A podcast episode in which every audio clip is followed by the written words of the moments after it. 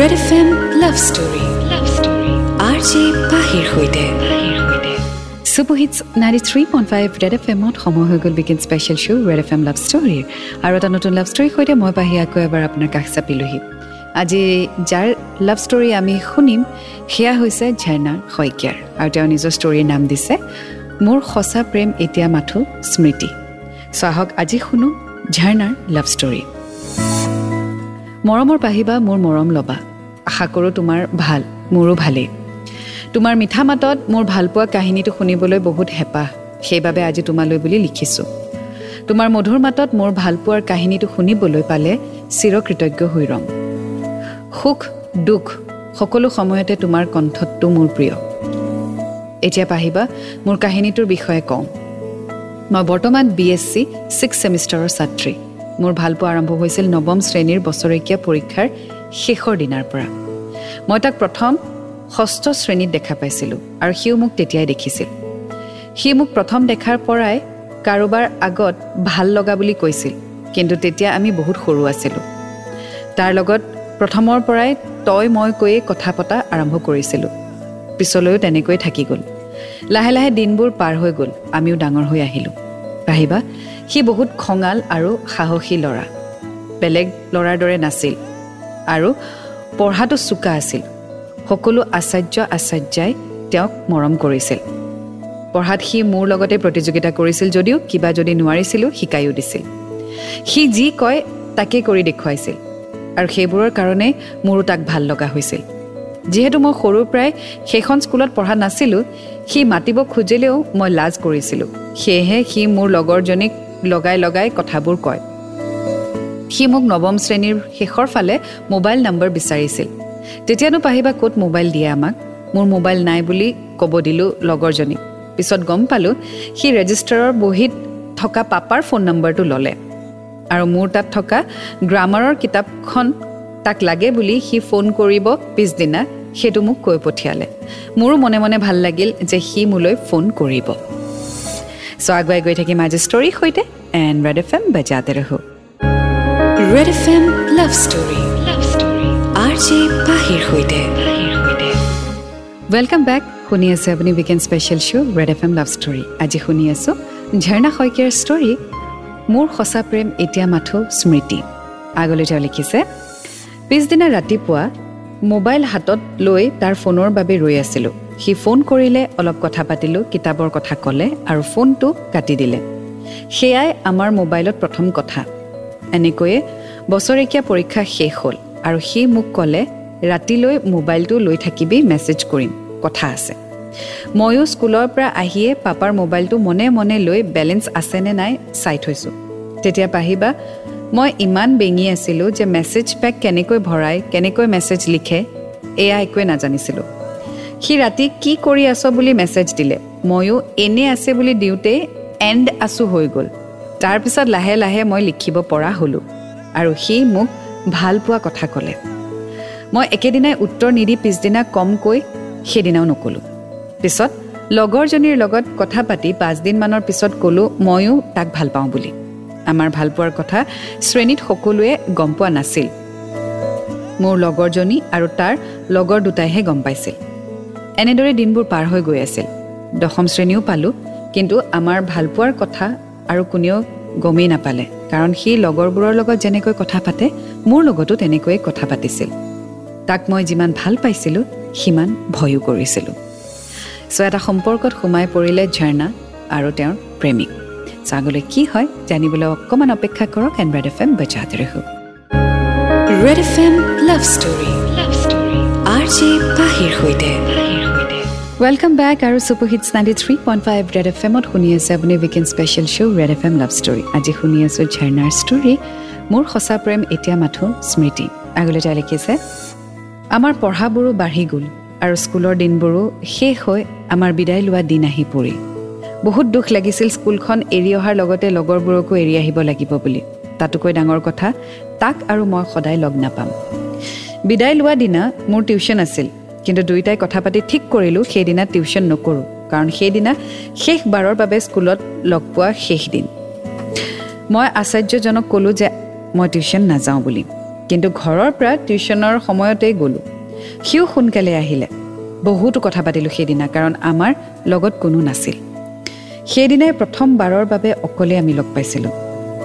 বিদায় লোৱাৰ দিনাৰ পৰাই আমি সদায় ৰাতি ৰাতি বহুত দেৰিলৈকে কথা পাতিবলৈ লৈছিলোঁ। বাট তথাপিও এদিন সি ক'লে আমি আৰু এনেকৈ কথা নাপাতোঁ কাৰণ পৰীক্ষা আহি পালে। মাজে মাজে কেতিয়াবা কথা পাতিম। ময়ো হ'ব বুলিয়ে ক'লোঁ আৰু আমি পঢ়িবলৈ আৰম্ভ কৰিলোঁ। আমি দুয়োটা একে বয়সৰ আছিলোঁ যদিও আমাৰ দুটাৰ মাজত বহুত বুজাবুজি আছিল বহুত মৰম কৰিছিল সি মোক। মাজে মাজে কথা পাতোঁ অলপ সময় এনেকৈ মেট্ৰিকৰ পৰীক্ষা শেষ হ'ল। আমি আকৌ আগৰ দৰেই কথা পাতিব ল'লোঁ। পৰীক্ষা শেষ হোৱাৰ বাবে মই পেহী ঘৰলৈ গ'লোঁ এমাহ থকাকৈ। তেতিয়া আমাৰ মাজত কথা বতৰা হোৱা নাছিল যিহেতু মোৰ মোবাইল নাছিল। মই বাৰ মোবাইলৰ পৰাই মোৰ লগৰজনীক ফোন কৰি তাৰ খবৰ লওঁ আৰু সিও তাইৰ পৰা মোৰ খবৰ লয়। ৰিজাল্ট দিলে সি ষ্টাৰ পালে আৰু মই প্ৰথম ডিভিজন আৰু দুয়োটাই নগাঁৱৰ একেখন কলেজতে নাম লগাই ল'লোঁ। চ' আমিও আগুৱাই গৈ থাকিম আজি ষ্টৰীৰ সৈতে আৰু ৰেড এফ এম বজাতে ৰহ। Red F M love story love story R J পাহিৰ সৈতে super hits ninety three point five red F এমত মই আপোনাৰ সৈতে Pahi and welcome back to the show' red F M love story আজি শুনি আছোঁ ঝৰ্ণাৰ ষ্টৰী মোৰ সঁচা প্ৰেম এতিয়া মাথো স্মৃতি। আগলৈ তেওঁ লিখিছে আমাৰ ভালপোৱাবোৰো বাঢ়িবলৈ ধৰিলে। সিও মোবাইল ল'লে আৰু মোকো সৰু মোবাইল এটা দিলে ঘৰৰ পৰা। মই নগাঁৱত দাদাৰ লগত ভাড়াঘৰত আছিলোঁ। আৰু সি হোষ্টেলত।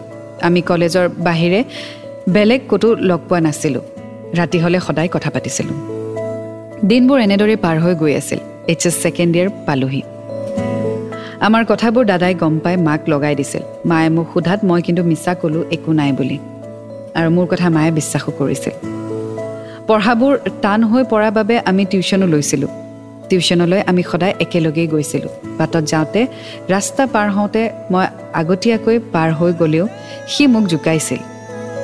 আমি সদায় টিউশ্যন চেণ্টাৰৰ লগতে থকা হোটেল এখনত পৰঠা খাইছিলোঁ। তাতো যে কিমান কথা পাতিছিলোঁ।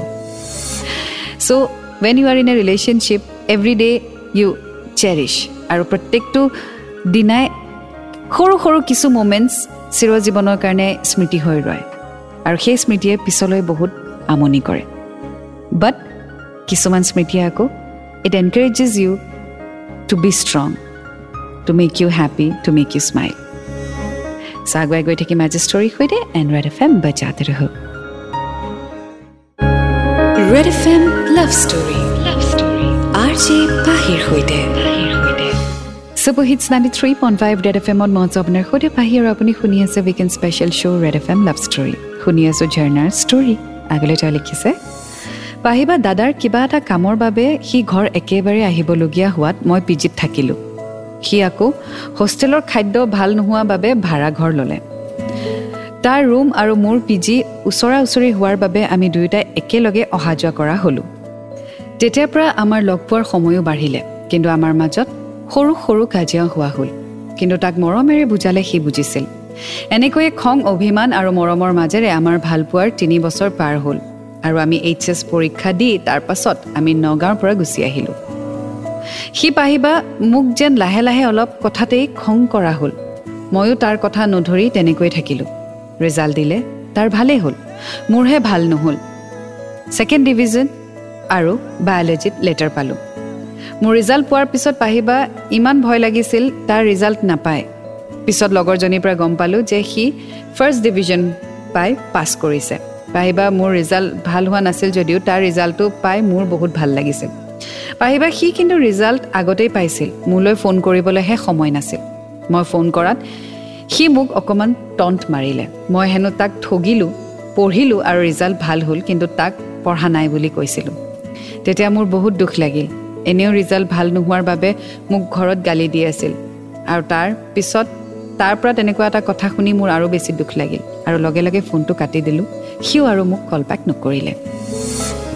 চ' লাহে লাহে ডিফাৰেঞ্চেছ আহিব ধৰিছে এওঁলোকৰ মাজত। আৰু প্ৰথমটো ডিফাৰেঞ্চ হৈছে এক্সামৰ ৰিজাল্ট আগলৈ কি হয় জানিবলৈ শুনি থাকক। ৰেড এফ এম বজাত ৰহ red F M love story love story R J পাহিৰ সৈতে। Super hits ninety three point five red F এমত মই আপোনাৰ সৈতে পাহি আৰু আপুনি শুনি আছে weekend special show' red F M love story আজি শুনি আছোঁ ঝৰ্ণা শইকীয়াৰ ষ্টৰী মোৰ সঁচা প্ৰেম এতিয়া মাথো স্মৃতি। আগলৈ তেওঁ লিখিছে গধূলি কল কৰোঁতে সি ক'লে সি বোলে আমাৰ ঘৰৰ ফালে লগৰটোৰ লগত গৈছিল। মোৰো দেখা নিচিনা লাগিছিলে কিন্তু হয়নে নহয় মই চিয়'ৰ নাছিলোঁ। পাহিবা মনটো এনেই ভাল নাছিল। তাতে সি আহিও মোক নোকোৱাৰ কথাটো গম পাই মোৰ আৰু বেছি বেয়া লাগিল। তাক খঙত মই কিবা কিবি ক'লোঁ। পিছদিনা সি মেছেজ কৰাত আকৌ কথা পাতিলোঁ।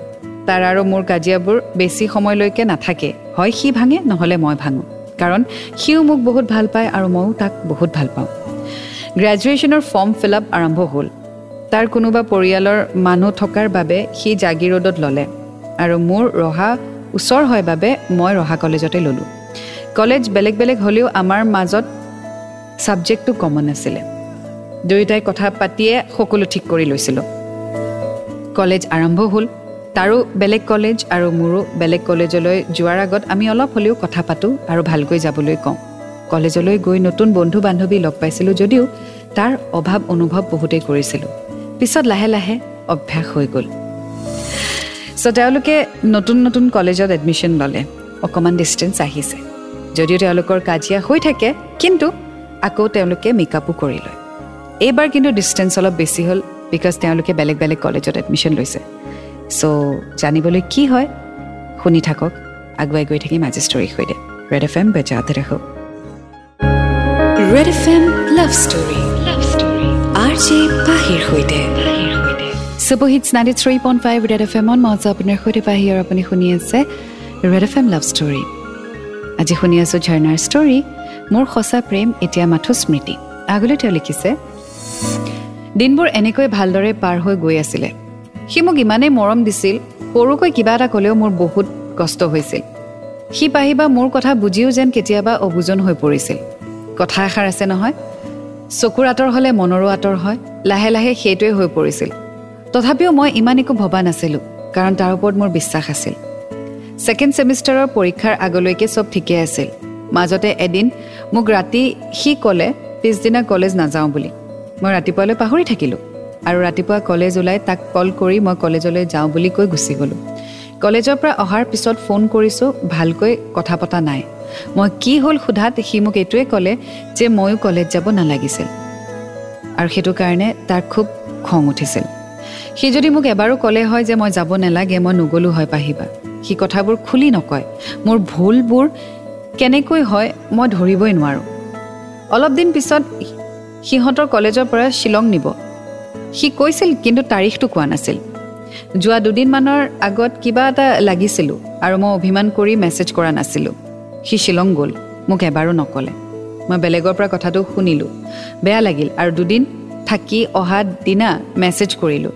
সি মোক খং কৰি ক'লে দুদিন ক'ত আছোঁ কি কৰি আছোঁ একো এটা খবৰো নল'লোঁ বুলি। সি যে মোক খবৰটোৱে নিদিলে শ্বিলং গৈছে বুলি সেইটো কিন্তু সি ৰিয়েলাইজ নকৰিলে। তেতিয়াৰ পৰাই সৰু সৰু কথাত আমাৰ কাজিয়া হোৱা হ'ল। সি কয় মই মিছা কথা কওঁ। মই কলেজত গৈ কাৰোবাৰ লগত চেনি খাওঁ বুলি। কিন্তু মই তাৰ বাহিৰে বেলেগৰ কথা ভাবিবই নোৱাৰোঁ। থাৰ্ড ছেমিষ্টাৰৰ অলপ দিন আগতে সি এদিন ক'লে মোৰ লগত সি আৰু হেনো থাকিব নোৱাৰে মই তাক এৰি দিব লাগে। মোৰ কাৰণে হেনো তাৰ পঢ়াত হেম্পাৰ হৈছে। এইবোৰ কোৱাৰ পিছত নিজে আঁতৰি আহিছিলোঁ যদিও পাহৰিব নোৱাৰি বাৰে বাৰে তাক ফোন মেছেজ কৰিছিলোঁ। কিন্তু সি মোক চবতেই ব্লক কৰি দিলে। চ' যেতিয়া কোনোবাই কাৰোবাৰ পৰা আঁতৰিব বিচাৰে সেই মানুহজনে বহু ধৰণৰ অজুহাত দেখুৱাব পাৰে। বাট কাৰোবাৰ পৰা আঁতৰিবলৈ এটা ৰিজনেই কাফি। কিন্তু নিজকে ভুল নেদেখুৱাবলৈ তেওঁ বহু ধৰণৰ অজুহাত দেখুৱায়। যাৰ পৰা আঁতৰিব বিচাৰে সেই মানুহজনৰ বহুত ভুল দেখুৱায়। কিন্তু ভুলটো আচলতে তেওঁৰ হাততহে। তেওঁ যাব বিচাৰে তেওঁ সম্পৰ্কটো এৰিব বিচাৰে কিন্তু ভুলটো সন্মুখৰ মানুহজনক দেখুৱায়। And that is called guilt conscious red F M বেজাতে ৰহো red F M love story love story R J পাহিৰ সৈতে super hits ninety three one five red F এমত মঞ্চ আপোনাৰ সৈতে Pahi and welcome back to weekend special show' red F M love story শুনি আছোঁ আজি ঝৰ্ণাৰ ষ্টৰী মোৰ সঁচা প্ৰেম এতিয়া মাথো স্মৃতি আগলৈ তেওঁ লিখিছে কলেজৰ লগৰ মই কাকোৱে এইবোৰ কোৱা নাছিলোঁ মই সদায় মন মাৰিয়ে থাকোঁ লগৰজনীয়ে মোৰ ইমানেই যত্ন লয় আৰু মৰম কৰে যে মই তাইক সকলো কথা কৈ দিলোঁ। তাই মোক বহুত উৎসাহ দিলে। আৰু যি হৈছে ভালৰ কাৰণে হোৱা বুলি মানি ল'বলৈ কয়। লগৰ তিনিজনীৰ কথা মই কেতিয়াও পাহৰিব নোৱাৰোঁ। সিহঁতৰ উৎসাহ মৰম আৰু অনুপ্ৰেৰণাৰ অবিহনে হয়তো মই আজি মই হৈ নাথাকিলোঁ হয়। লগতে তোমাৰ লাভ ষ্টৰীত প্ৰকাশ কৰা উৎসাহমূলক বাৰ্তাবোৰেও বহুত উৎসাহিত কৰি তুলিলে মোক। আৰু শেষত এটাই কওঁ সি কিয় এনেকৈ এৰি গ'ল জানিব বহুত মন থাকিল। মই জানো তই এতিয়াও কাকো ভাল পোৱা নাই। ময়ো নাপাওঁ। ভালকৈ পঢ়ি ভাল মানুহ হ মোৰ মৰম আৰু শুভেচ্ছা সদায় তোৰ লগত থাকিব। পাৰিলে মোক তোৰ ওচৰলৈ লৈ যাবিহি। তোৰ খবৰ মই বেলেগৰ পৰা হ'লেও লৈয়ে থাকোঁ দে। বা মোৰ লিখনি ইমান ভাল নহয় তাৰ বাবে ক্ষমা বিচাৰিছোঁ। মনৰ ভিতৰৰ পৰা যি ওলাইছে তাকে লিখিছোঁ। কিন্তু এটা কথা মোৰ প্ৰেম কেতিয়াও মিছা নাছিল। পাৰা যদি তুমিও ক'বাচোন তাক। তাৰ জীৱনত মোক পুনৰ উভতাই নিবলৈ এইবাৰ তাক আপত্তি কৰাৰ কোনো সুযোগেই নিদিওঁ। শেষত এটাই কথা কওঁ এই কৰোণা মহামাৰীৰ সময়ত নিজৰ শৰীৰৰ যত্ন ল'বা আৰু ভালকৈ থাকিবা। লগতে তোমালোকৰ ৰেড এফ এমৰ ফালৰ পৰা ধুনীয়া ধুনীয়া লাভ ষ্টৰিবোৰ আমাক উপহাৰ দি যাবা। Well ঝেৰনা thank you so much তুমি তোমাৰ ষ্টৰি আমাৰ সৈতে শ্বেয়াৰ কৰিলা। মই এটা কথাই বিশ্বাস কৰোঁ যদি কোনোবাই কাৰোবাক ভাল পায় সেই মানুহজনক কেতিয়াও এৰি যাব নোৱাৰে। কিন্তু যদি এৰি যোৱাৰ স্ক'প থাকে তাৰ মানে সেই সম্পৰ্কটোত অলপ হ'লেও খুট আছে। আৰু সেই খুটটোত যদি ৱৰ্কআউট কৰিব কোনেও নিবিচাৰে তেতিয়াহ'লে কোনোবা নহয় কোনোবা এজন সেই ৰিলেশ্যনশ্বিপটোৰ পৰা সোনকালে ৱৰ্কআউট কৰিব পাৰে। চ' যেতিয়া তেওঁ ডিচাইড কৰিছে যেতিয়া তেওঁ তোমাক যাবলৈ দিছে যেতিয়া তেওঁ তোমাক নিজেই কৈছে তুমি যোৱাগৈ আৰু মোক ফোন নকৰিবা তাৰমানে তেওঁৰ লাইফত তোমাৰ ভেলিউ একেবাৰেই কম। নহ'লে কেতিয়াও তোমাক যাবলৈ নিদিলে হয়। কেতিয়াও এইষাৰ কথা নক'লে হয় তই যাগে। তেওঁৰ লাইফত তুমি নহ'লেও তেওঁ থাকিব পাৰিব। তেওঁৰ লাইফত তোমাৰ বেলেগ ছাবষ্টিটিউটো আহিব পাৰিব। So' I hope you have realize that you are not an important part in his life any more so' make yourself so' important যে কোনোবাই তোমাক এৰি থাকিব নোৱাৰা হৈ যায়। And I wish you all the best এয়া আছিলে আজিৰ ষ্টৰী মোৰ সঁচা প্ৰেম এতিয়া মাথো স্মৃতি এটি নতুন ষ্টৰীৰ সৈতে আকৌ লগ পাম until then to fall in love it's a great feeling you will get to learn a lot but always remember I love you red F M বাজাতে ৰাখোঁ